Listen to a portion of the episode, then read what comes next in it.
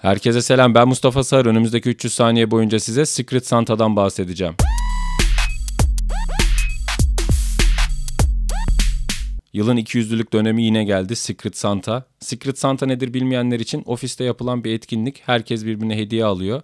Kim kime hediye aldığını biliyor ama kimden hediye aldığını bilmiyor gibi bir durum.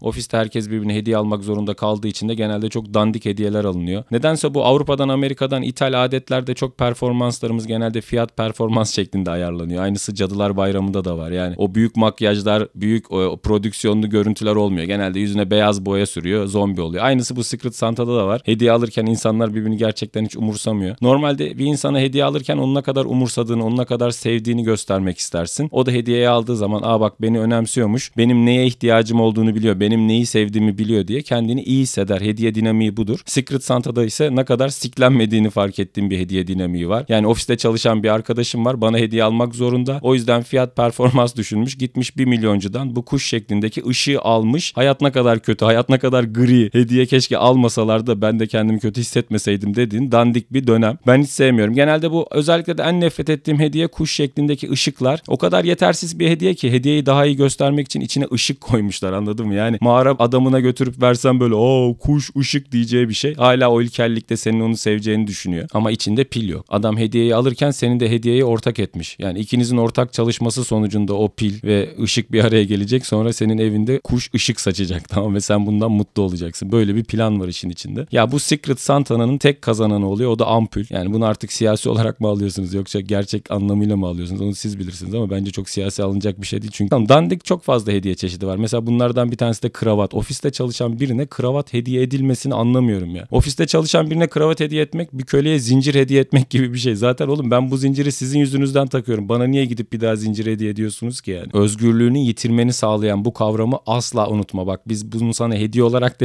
Her gün sen bunu mecbur boynuna da takacaksın. Buradan asla kurtulamayacaksın gibi bir hediye bence kravat. Kupalar var tabii yine dandik hediyeler klasmanında üst sıralarda. Kupalar üçe ayrılıyor. Üstünde yazı olan kupalar var. İşte dünyanın en iyi patronu, dünyanın en iyi annesi falan gibi saçma sapan yazılar. Sonra üstünde resim olan kupalar var. Mesela işte üstünde köpeğinin resmi olan kupa var. Ben bunu anlamıyorum. Yani neden mutfak aletlerinden kupaya bu ayrıcalık yapılıyor ki? Tamam kahveyi seviyorsun, köpeğini seviyorsun. E kahve kupasının üstüne köpeğinin resmini koydun. Düdüklü de haşlamayı seviyorsun, kedini seviyorsun. Niye düdüklü tencerede kedinin resmi yok ki yani? Mutfak aletinin üstüne hayvanlarımızın resmini koymak zorunda değiliz. Üçüncü çeşit kupalar var. O da böyle içine sıcak su koyduğun zaman üstünde yavaş yavaş annenin resmi beliren kupalar. Sen kupayı alıyorsun, üstüne sıcak su koyuyorsun. Annem beliriyor ve diyor ki daha yeni karpuz yemedim mi? Ne çayı falan diyor. Sonra çay soğuyunca tekrar annen yok oluyor gibi kupalar var. Kar küresi var mesela. Ya kar küresi ne kadar saçma sapan bir şey. İçine strafor koymuş beyaz. Oraya da dandik bir figür koymuş işte Noel Baba veya bir geyik. Alıyorsun sallıyorsun e kar yağıyormuş gibi oluyor. Ama kürenin içindeki ortamın yoğunluğuyla benim normalde yaşadığım ortamın yoğunluğu aynı değil. Mesela kürenin içinde su var. O yüzden straforlar yavaş yavaş düşüyor. Kar normalde öyle yağmıyor ki. Sen benim dünyamı yansıtmıyorsun ki. Yani kar küresi denizde yaşayan birine hediye edilebilir. Bir balinaya falan. Çünkü onun yaşadığı ortamda sıvı. O kar küresinin içinde de sıvı var. Balinanın yaşadığı yerde de strafor aynı o şekilde düşer. Ya o ne kadar saçma sapan bir şey. Dünyanın en gereksiz küresi ya kar küresi. Çorap var yine. Pamuklu olmayan dandik naylon çorap. Ayakkabının içinde kayar. Üstünde böyle saçma sapan Santa resmi var diye almış. Hayatında giymeyeceğin. En son tercih çor- çorapları vardır ya böyle dolapta durur. Sen o çorabı giymemek için ısrar edersin edersin ama bir gün gelir bütün çoraplar kirlidir. Mecbur giyersin. Giyeceğine pişman olursun. İşte onların hepsi bu Secret Santa'da hediye edilen çoraplar yani finalde. En dandik hediye klasmanında en üst sırayı da dandik Oscar heykelleri yani dandik Oscar hediyeleri işte. Dünyanın en iyi patronu, dünyanın en iyi babası. Ya siz bir sene oturup bütün dünyadaki babaları mı analiz ettiniz? Ofisin işlerini mi yaptınız oğlum? Benim dünyanın en iyi babası olduğumu nereden biliyorum? Belki ben bu sene çocuğuma çok kötü davrandım yani. Sen bana Oscar heykeli niye veriyorsun ya? Bu konuyu bir arkadaşıma anlattım aynı şekilde. Bana dedi ki evet abi ben de bir kere yılbaşı çikolatası almıştım. O ne biçim hediye ya falan. Oğlum saçmalama ne iPad mi alacaktı amına koyayım? Tabii yılbaşı hediyesine de bu kadar abartmayın anladın mı? Çikolata okey sonuçta yenilebilen bir şey yani. Ben orada bir sıkıntı görmüyorum ama genel olarak Secret Santa etkinliğinin dandik bir etkinlik olduğunu düşünüyorum. Yani bunu kesebiliriz. Bu bir cahiliye dönemi etkinliği olarak geçmişte yerini alabilir. Eskiden ne yapıyorlardı? İşte kız çocuklarını toprağa gömüyorlardı. İşte savaş çıkartıyorlardı ve işte yıl başlarında birbirlerini iki yüzlü gibi kuş şeklinde ışık alıyorlardı. Bunları bıraktılar. O yüzden şimdi uzay çağına geçtik diyebilirler ileride. Yani illa birbirimize hediye almak zorunda değiliz. Birine hediye aldın diye o kendini kötü de hissedebilir. Bunu hiç böyle düşünüyor musun? Bir sonraki bölümde görüşmek üzere arkadaşlar. Hepinizi çok seviyorum. En güzel hediyeler sizin olsun. İyi ki varsınız.